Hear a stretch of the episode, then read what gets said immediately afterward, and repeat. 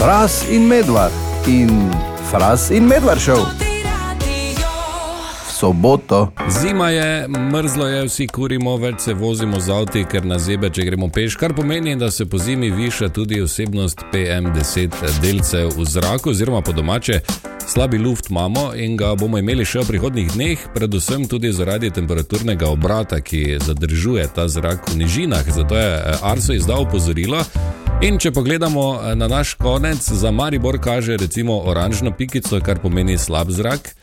Ptuj ima rdečo pikico, kar pomeni zelo slab zrak, Murska sobota pa ima recimo vijolično pikico, kar pomeni izredno slab zrak. In uh, kako ravnati v tem primeru? Uh, na sveti, ki so jih podali, so sledeči, da ne izvajamo napornejših fizičnih dejavnosti, omejimo se na sprehod, izberemo park ali gost. Recimo, bivanje na prostem omejimo na čas, ko je onesnaženost zraka v dnevu najnižja, da smo pozorni na simptome in znake, kot so kašelj ali pomankanje sape, ter tudi da zmanjšamo fizične napore, pa da prispevamo seveda svoj delež k zmanjšanju izpustov v okolje. Skratka, slabi luft je, nekaj časa še bo, če greš ven, pojdi na pohorje ali pa recimo v Koper, kjer je, imajo zeleno pikico, kar pomeni, da je kvaliteta zraka trenutno tam najboljša. Jaz bi se rad s časovnim strojem vrnil recimo v leto 1984 in bi zraven nesel te komade, ki jih imamo danes, v katerih pojejo, repajo karkoli o seksu, o drogah, o nagih ritih in ne vem čem še vse. Nesel bi jih na BBC Radio 1 in bi jim to pokazal, zavrtel in bi verjetno vsi tam eksplodirali od sile. Namreč na današnji dan, leta 1984, so na BBC Radio 1 prepovedali ta komad.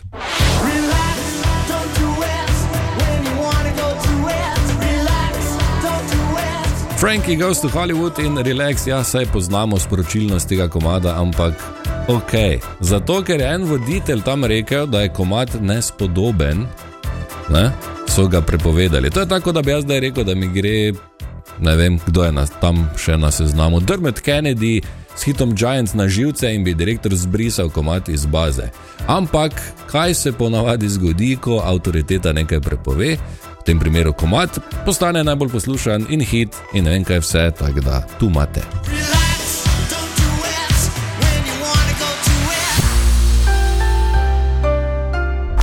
Na današnji dan v zgodovini človeštva. Tako danes je 13. januar 2024, sobota in kaj se je dogajalo na današnji dan v preteklosti. Kdo se je rodil na današnji dan, so se rodili Orlando Bloom, angliški igralec, pa tudi Liam Hemsworth, avstralski filmski in televizijski igralec. Uh, poznamo ne, brata od Krisa Hemswortha, ki je bil Thor, in pa bivši od Miley Cyrus, med drugim. Uh, na današnji dan pa rojstni dan praznuje tudi Ana Lakota, cenjena sodelavka, plesalka, inštruktorica Zumbe, slovenistka, radijska moderatorka, računovodja, vrtnarka, ob Andreju Merniku, naprimer najbolj znana teznčanarka in oseba, znana po tem, da je zelo slaba v križankah. Sicer pa, kaj se je dogajalo na današnji dan, Ana vse najboljše. Kaj se je dogajalo na današnji dan, leta 1559, okronajo angliško kraljico Elizabeto I, leta 1610 Galileo Galilei odkrije četrti Jupiterov satelit Kalisto, leta 1930 se prvič v stripu pojavi Miki Miška. Leta 1958 v rudniku Trbovlje zaradi nezadovoljstva rudarjev z delovnimi pogoji in plačilom izbruhne prva organizirana stavka v Jugoslaviji po drugi svetovni vojni. Leta 1992 Vatikan prizna Slovenijo in pa leta 2012 na današnji dan na italijanskem otoku Giglio nasede potniška ladja Costa Concordia s 4252 ljudmi na krovu in 32 jih tudi umre. To je to za današnji dan, 13. januarja 2024. Dobro jutro. Evo en naslov in eh, podnaslov, ki sta me vrgla na rit danes, na vse zgodaj zjutraj. Vse vem, da je mikroplastika prisotna povsod in da si vsi malo zatiskamo oči pred njo, ampak eh, naslov pravi tako: Voda v plastenkah vsebuje stokrat več delcev plastike, kot smo doslej mislili. In eh, podnaslov, nova raziskava je pokazala, da je v vsakem litru vode v plastenkah okoli 240 tisoč delcev mikroplastike. In to sem prebral ravno zdaj, potem, ko sem eksal pol litrsko flašo. Tako da 120 tisoč jih že imam noter in bi vsem skupaj čestital, res fantastična novica. Aleluja, aleluja, ljudje po vsem tem času in po nenehnem kreganju in nestrinjanju se je oglasila strokovnjakinja, ki je rekla: Tak je prav. Govorim o WC papirju, večna debata vseh debat, kako obesiti rolico WC papirja na steno. Zdaj, eni zagovarjajo tisto stran, da mora biti rolica obrnjena tako, da je WC papir čisto pri steni, ko ga primeš in odrolaš, drugi zagovarjamo tisto pravo stran, torej da mora biti rolica obrnjena tako, da je WC papir spredaj, ko ga primeš, se ne dotakneš še stene zraven z roko. Ne? In ena tuja strokovnjakinja za bonton, Jackie, je na spletu povedala, da je tako prav, da je rolica obrnjena na vzven, tako se ne dotakneš stene, ampak samo tistega dela WC papirja, katerega imaš namen uporabiti. Zdaj pa me zanimajo vaše mnenja. Kako obrneš rolico ti, nič 5, 1, 220, 220, napiši. Pomembne debate imamo danes, eh, pogovarjamo se namreč o tem, kako mora biti obrnjena eh, WC rolica, ko je obešena na steno, ne torej na vzven proti tebi ali na vznoter proti steni. Eh, namreč pojavil se en video na spletu, ena tuja strokovnjakinja Jackie, strokovnjakinja za bonton. Je eh, razložila, kako je na stvari, in pravi, da mora biti obrnjeno ven, ker je tako bolj higienično in pač po bontonu. In eh, na eh, nič 5, 220, 220 je pisal, stanko pravi, k steni mora biti, ker je tako bolj priročno, ko vzameš veci papir in ga preložiš, ker ga ne rabiš obračati. Uh, recimo, da razumem, hvala stanko, ok. Uh, vsakemu svoje, seveda. Tanja pravi, ja, ven mora biti bliže tebi, kot steni, da lahko normalno zgrabiš.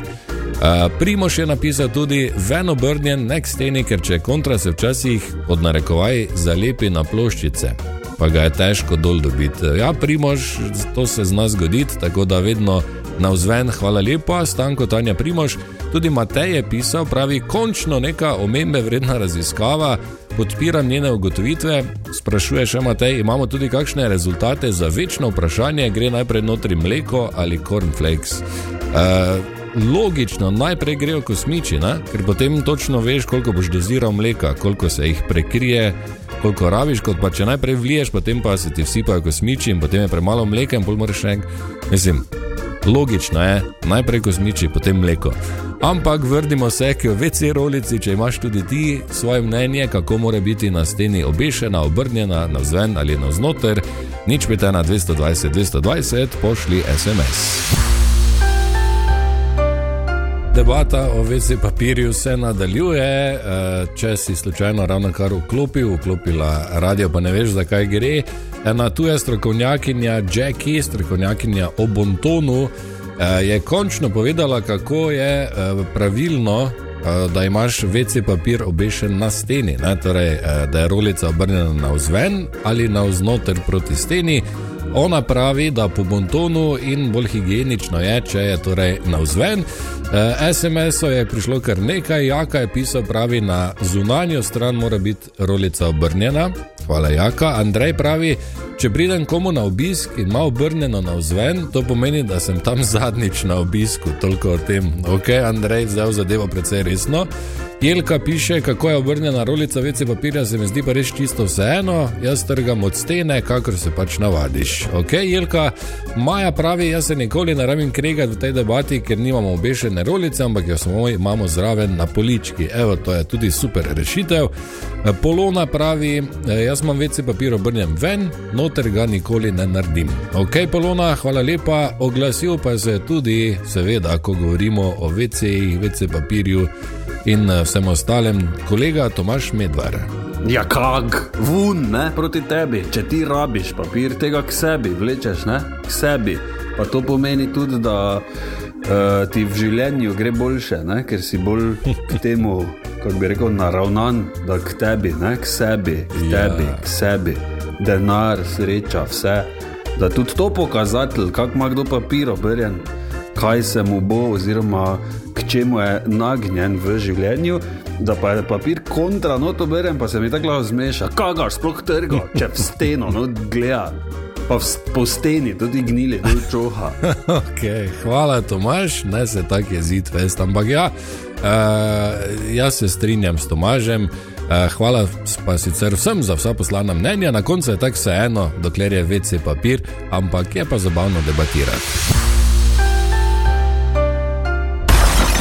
Ko se mi pa to zgodi, Sicer ga ni v službi, ampak se pa celice nekaj javlja. Ko zjutraj brskaš po novicah in ti ven vrže članek o tem, koliko ima zdaj Severina Kil. 55 ima zdaj, pa 170 je velika. ko se mi pa to zgodi, Bober mi sledi.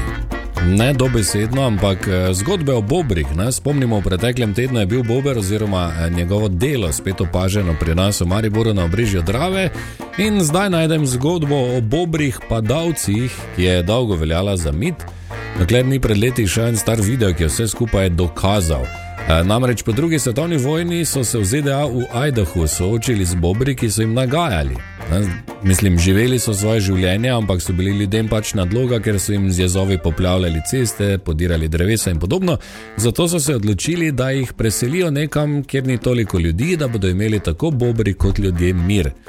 Problem pa je bil, da so izbrali lokacijo, ki ni bila dostopna, ne? ni bila dostopna ne po kopnem, ne po vodi. Torej, kako relocirati celo kolonijo bobrov, tako da so jih zaprli v škatle, opremljene s padali in eh, več kot 70 bobrov vrgli iz letala. Predtem so seveda full vse testirali, da se ni noben poškodoval, tako da so na koncu vsi bobri preživeli in na novi lokaciji tudi zaživeli. Zdaj, mi imamo enega bobra, mo mogoče dva, ne, tako da ne pravim, da ga dajmo na letalo in vržimo s padalom v nekje druge, ampak ideja pa je, morda za prihodnost, če bo naenkrat 120 bobrov pri Dravi, ne, pa morda še en razlog več, zakaj bi lahko uporabili Mariborsko letališče. Fras in medvard in Fras in medvard šel v soboto.